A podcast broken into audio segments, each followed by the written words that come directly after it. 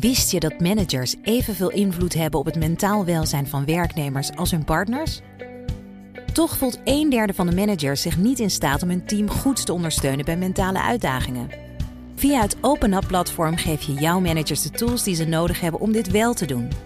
Zo zijn jouw teams beter bestand tegen de uitdagingen van het dagelijks leven, thuis en op het werk. Benieuwd wat we voor jouw managers kunnen betekenen? Ga naar openup.nl/slash bedrijven. Let's open up!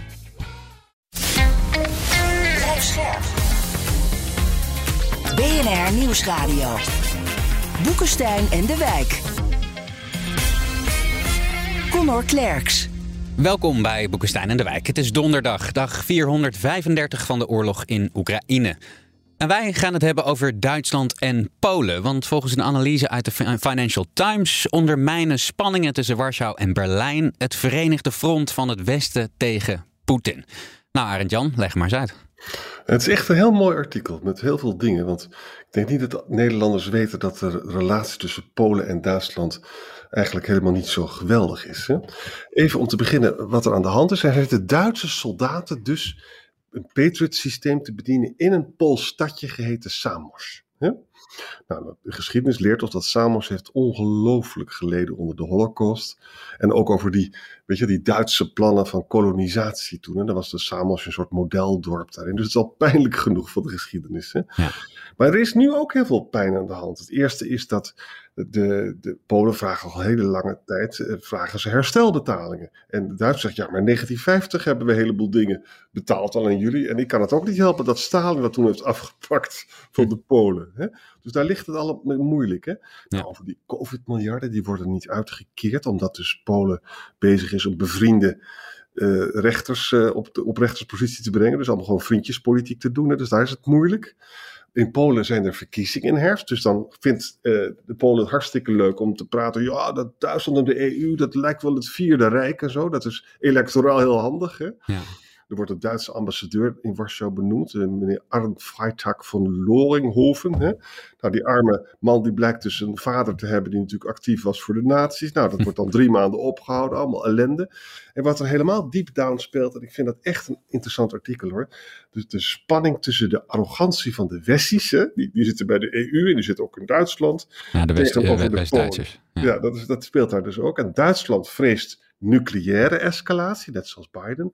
Terwijl Polen is maar voor één ding bang. En dat is als Russische tanks in Warschau naar binnen rollen. Dus je, je, ziet dus dat hoe de geschiedenis hier nog die hele relatie kleurt. Ja. Ja, weet, weet je, een, een, punt wat daarin staat, je noemde het even terloops, hè, dat is een discussie over uh, herstelbetalingen. Uh, waarvan je uh, net terecht zei van, dat die Duitsers zeggen, ja, dat hebben we enige tijd geleden al rondgemaakt.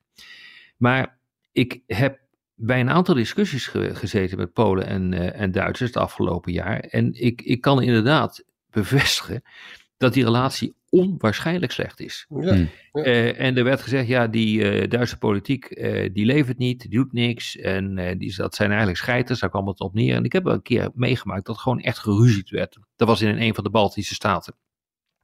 tussen de Polen en, en de Duitsers. Dat was echt bij het uh, bij, het, uh, ja, bij de wilde beesten af wat daar uh, gebeurde. En, toen moest ook een, een van, de, van de ministers uit de Baltische Staten, ik weet niet meer wie het was, die heeft toen ook gezegd, jongens, dit kan absoluut niet, kunnen jullie een beetje rustig aan doen.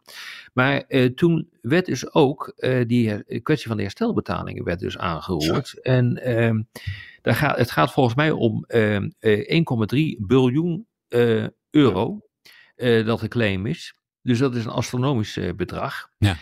Ehm, maar toen zei de Duitser, als we dat gaan doen, en dat zei hij later tegen mij, dat heeft hij niet in het openbaar gezet. Als we dat gaan doen, gaan wij ter discussie stellen de, uh, het gebied uh, dat de uh, Polen na de Tweede Wereldoorlog bij Polen hebben kunnen trekken ten koste van Duitsland. He, dus de nieuwe grens is de Oude-Duitse grens geworden. En de oude grens, de oude Duitse-Poolse grens, die lag gewoon een paar honderd kilometer naar het oosten. Je zegt, dan gaan we daar ook over praten.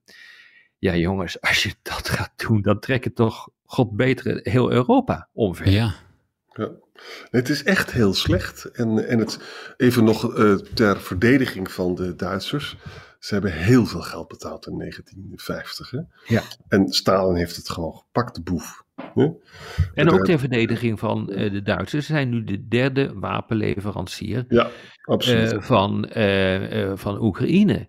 En dus, maar die Polen, kijk, ik, ik, ik heb daar wel problemen mee hoor. En dat wordt ook in dit stuk erg goed uitgelegd. Het, het, ik, ik, toen ik het las, dacht ik, ja, je kunt wel Polen uit het wasjepak halen.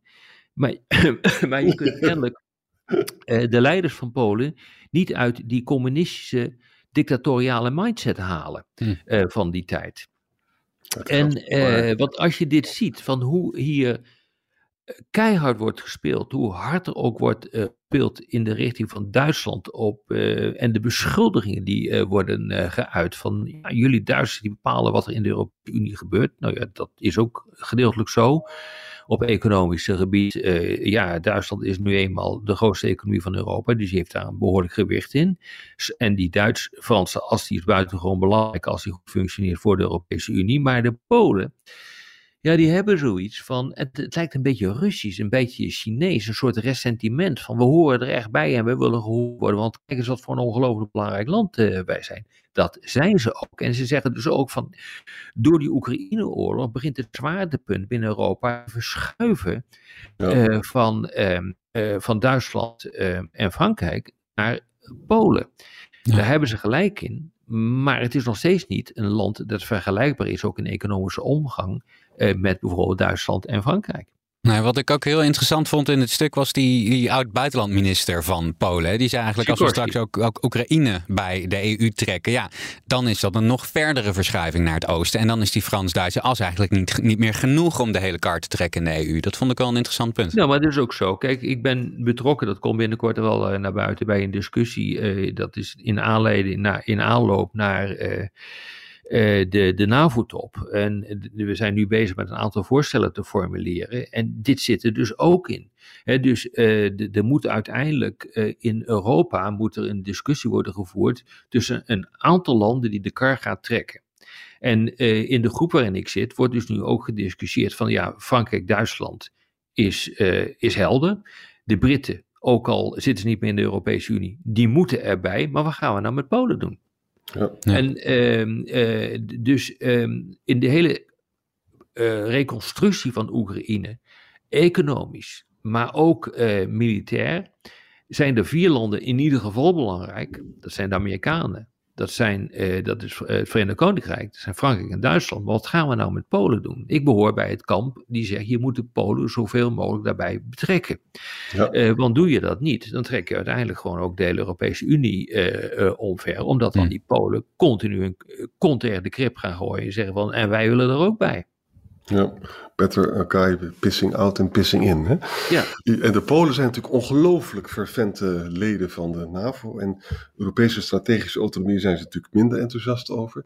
Bedenk ook goed hè, dat die arme Tusk, ken je die nog van vroeger, Ja. van de Europese Raad? Die werd dus helemaal verslagen met allemaal samenzweringstheorieën. Van die man was een helemaal uh, he went native in Brussels, weet je wel. Hij was veel te veel Europeaan. Daar hebben we helemaal niks aan. Hè? En je moet ook bedenken, het is een land ook vol samenzweringstheorieën. Die hele Kaczynski-kliek, die zit daar nog steeds. Hè? Mm. En wat, wat daar dus gebeurd is, er is ooit een vliegtuig gegaan uh, naar Rusland. En dat is, dat is toen uh, neergestort. En dat wordt door die Kaczynski geportretteerd. Dat hebben de Russen gedaan. En dat is nou iets wat helemaal niet zeker is dat dat zo is. Maar dat wordt nog steeds nog gebruikt in die toch wel behoorlijk vergiftigde politiek, waarbij dus het niet handig is om een heel Europees gezicht te trekken, want dan verlies je de verkiezingen. Nee, maar ze spelen echt met vuur. Want op een gegeven moment is ook de Europese Unie, zijn de bondgenoten fed up. Dat zijn ze eigenlijk al uh, met die PIS, Ja. uh, die, uh, die populistische regering. Eh, die ja, eigenlijk, nou ja, jij noemde het vriendjespolitiek. Het is wel iets, iets ernstiger hoor. denk, denk ik dat dat, dat is het ook, denk ik, vriendjespolitiek om rechten te benoemen op plekken die uh, die je gunstig vindt. Uh, maar het heeft ook te maken met het, uh, het omvormen van, van een echte democratie naar iets wat je zou kunnen noemen een liberal democracy, dus een, Ja. een autoritaire democratie, naar Hongaars voorbeeld. Ik bedoel, dat, dat wil je dus ook niet in, in Europa. Ja. Dus het is tamelijk fundamenteel wat hier gebeurt. En naarmate dat proces verder gaat, Ehm, ja, dat is iets wat Duitsland gewoon niet uh, zal accepteren, maar Brussel ook niet accepteren. Maar ook een land als Nederland zal dat niet uh, accepteren. Dus die, die Polen die spelen echt met vuur. Wil, wil je nog als een volwaardig lid worden gezien en ook gezellig meedoen met de wederopbouw en misschien daar ook wel een leidende rol in spelen uh, van Oekraïne? Ja, dan, eh, dan kun je dat niet op deze manier eh, doen. En vandaar dat ik zei, ja, dit zijn bijna wasserpak-tactieken hm. eh, van, ja. van 40 jaar geleden die we nu zien. Ja, dat kan echt niet hoor. Als je naar de krachtsverhouding kijkt, als je Polen vergelijkt met Hongarije, dan Hongarije is echt heel ver heen. En het ziet er ook niet naar uit dat Orbán nou zo snel makkelijk wordt afgezet. In Polen is het meer een 50-50 situatie aan het ontwikkelen. Ja. Maar ook een grote tegenstelling tussen stad en platteland. Dus daar is het gewoon denkbaar dat er ooit nieuwe tijden aan uh, breken. En dat hoop ik ook wel hoor, want dit is uh, precies wat Rob zegt. Het is zo vervelend dat ze steeds alles wat uit Brussel komt, dat ze dat voor, bijna voor het Vierde Rijk uitmaken. Sommigen zeggen dat zelfs openlijk. Ja. Dat kan natuurlijk helemaal niet. Hè? Nee, maar goed, het is wel belangrijk dat dit wordt opgelost en dat die, die Polen toch op een of andere manier hun, hun toon wel een beetje gaan matigen. Het hoort gewoon niet in het Europa wat we met ja. z'n allen hebben uh, gecreëerd. Dat, dat is mijn grootste probleem. Het hoort gewoon niet in het Europa. Ja. Bovendien zijn de uitdagingen te groot om dit soort verdeling, uh, ja, ja, verdeeldheid te, te, te, creëren in Europa. Ja. En realiseer je, we staan voor immense opgaven. Hè. We moeten, de, tijd van het vrede is evident is op. De bezuinigingen op uh, defensie, dat kan niet meer. Er wordt uh, geïnvesteerd in defensie in alle landen. Uh, we zitten overal met financiële uh, problemen. De energietransitie gaat onwaarschijnlijk veel geld te kosten. Waarschijnlijk 175 miljard per jaar gedurende een jaar of uh, eh, 27, dus tot 2050. Dus we moeten elkaar in deze uitermate spannende tijden met enorme uitdagingen moeten we elkaar bij de hand houden. Dat betekent dus ook dat je zoveel mogelijk ja, één lijn moet trekken en één, hmm. met, met, met één mond moet spreken binnen Europa. En dit kan gewoon niet hoor. Dit is wel echt een, eh, een grote uitdaging. En de ellende is, er zijn dus verkiezingen in de herfst in Polen. En die PiS-partij zal er alles aan doen om die te winnen. En dan zijn ze dus ook bereid om al hele wilde samenzweringstheorieën te zeggen. Dus ja, en dus de anti-Duitse kaart te, te, ja. te, trekken en, en ja, ga zo maar door. En dat, ja, dat, dat hoort niet bij een volwassen democratie om dat uh, op die manier te, eh, te, doen. En ja, hier blijkt eigenlijk uit van wat hier gebeurt, is dat uh, Polen nog steeds geen volwassen democratie is. Ik bedoel, het klinkt hard, maar ik vind dat echt zo langzamerhand. Vind ik ook. Ja, ik moet eerlijk zeggen, als ik met mijn Poolse vrienden onder andere in de Senaat praat, die zeggen dat ook hoor, maar die zitten in de oppositie. ik vond het wel weer grappig in dat uh, Financial Times stuk dat dan de, de, politiek gaat het helemaal mis. Maar die Duitse militairen die in Polen zitten, die uh, zijn blij verrast over hoe ze ontvangen worden en hoe snel oh ja. en goed alles geregeld ja. is. En de ja. handel gaat uh, ook gewoon lekker door, want Duitsland blijft natuurlijk gewoon de, de, de grootste handelspartner. Ja, maar dat is normaal in de ja. relaties tussen landen. Je kan een ongelooflijk politiek uh, gekakeel hebben. Dat hebben we in de transatlantische wereld ook uh, gehad. Ik heb dat vaak uh, genoeg van, van zeer nabij meegemaakt dat er een enorm gekakeel is tussen Amerika en Europa. En de militairen die halen hun schouders op en die zeggen wij doen gewoon ons werk en we gaan gewoon door. Klaar. Ja, dat, dat, zijn verstandige mensen. Hè? Ja. ja. En er worden, ook, er worden ook heel veel Duitse auto's in Polen en Hongarije gemaakt. Hè? Dan moet je dus, mm -hmm. Weet je nog de 10, 20 jaar geleden dat heel veel mensen ontzettend tegen de Poolse toetreding uh, waren? Ja. En kijk eens wat een succes het geworden is. En het kijk is een enorm succes ja. geworden. Ja. En kijk eens hoe rijk Polen ook geworden is in vergelijking met Oekraïne. Hè? Dat moet je niet Zeker. vergeten. Ik denk dat we eruit zijn met elkaar. Volgens mij ook. Ja. Denk ik ook wel. hey, tot morgen. Tot morgen. Tot morgen. Wist je dat managers evenveel invloed hebben op het mentaal welzijn van werknemers als hun partners? Toch voelt een derde van de managers zich niet in staat om hun team goed te ondersteunen bij mentale uitdagingen. Via het OpenUp-platform geef je jouw managers de tools die ze nodig hebben om dit wel te doen. Zo zijn jouw teams beter bestand tegen de uitdagingen van het dagelijks leven, thuis en op het werk. Benieuwd wat we voor jouw managers kunnen betekenen? Ga naar openup.nl/slash bedrijven. Let's open up!